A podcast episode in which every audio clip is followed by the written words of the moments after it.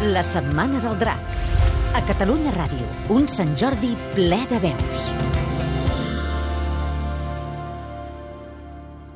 Mare, fins quan haurem de caminar? No ho sé, fill meu. Però quan podrem tornar a casa?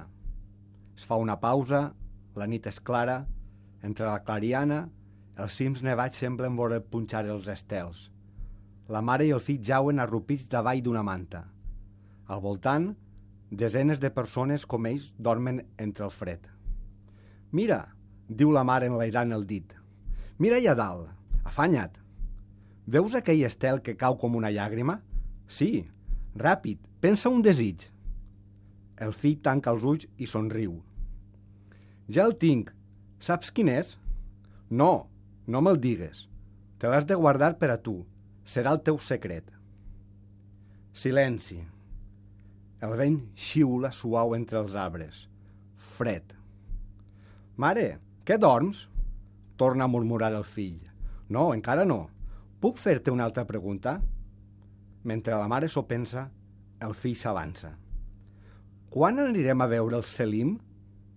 El Selim viu lluny, ja ho saps, però aviat es reunirà amb nosaltres.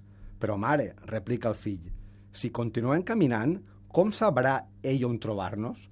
Mira, l'interromp la mare enlairant de nou el dit. Has vist aquell altre estel? Sí. I veus com brilla en la nit? Sí. Doncs quan el mires, pensa que el Selim també l'està mirant. El fill es mira al cel. La mare se'l mira a ell.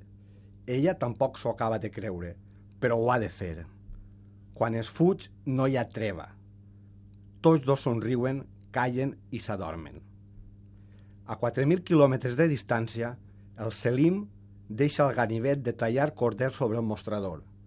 S'eixuga la suor, es trau el davantal i encén la ràdio.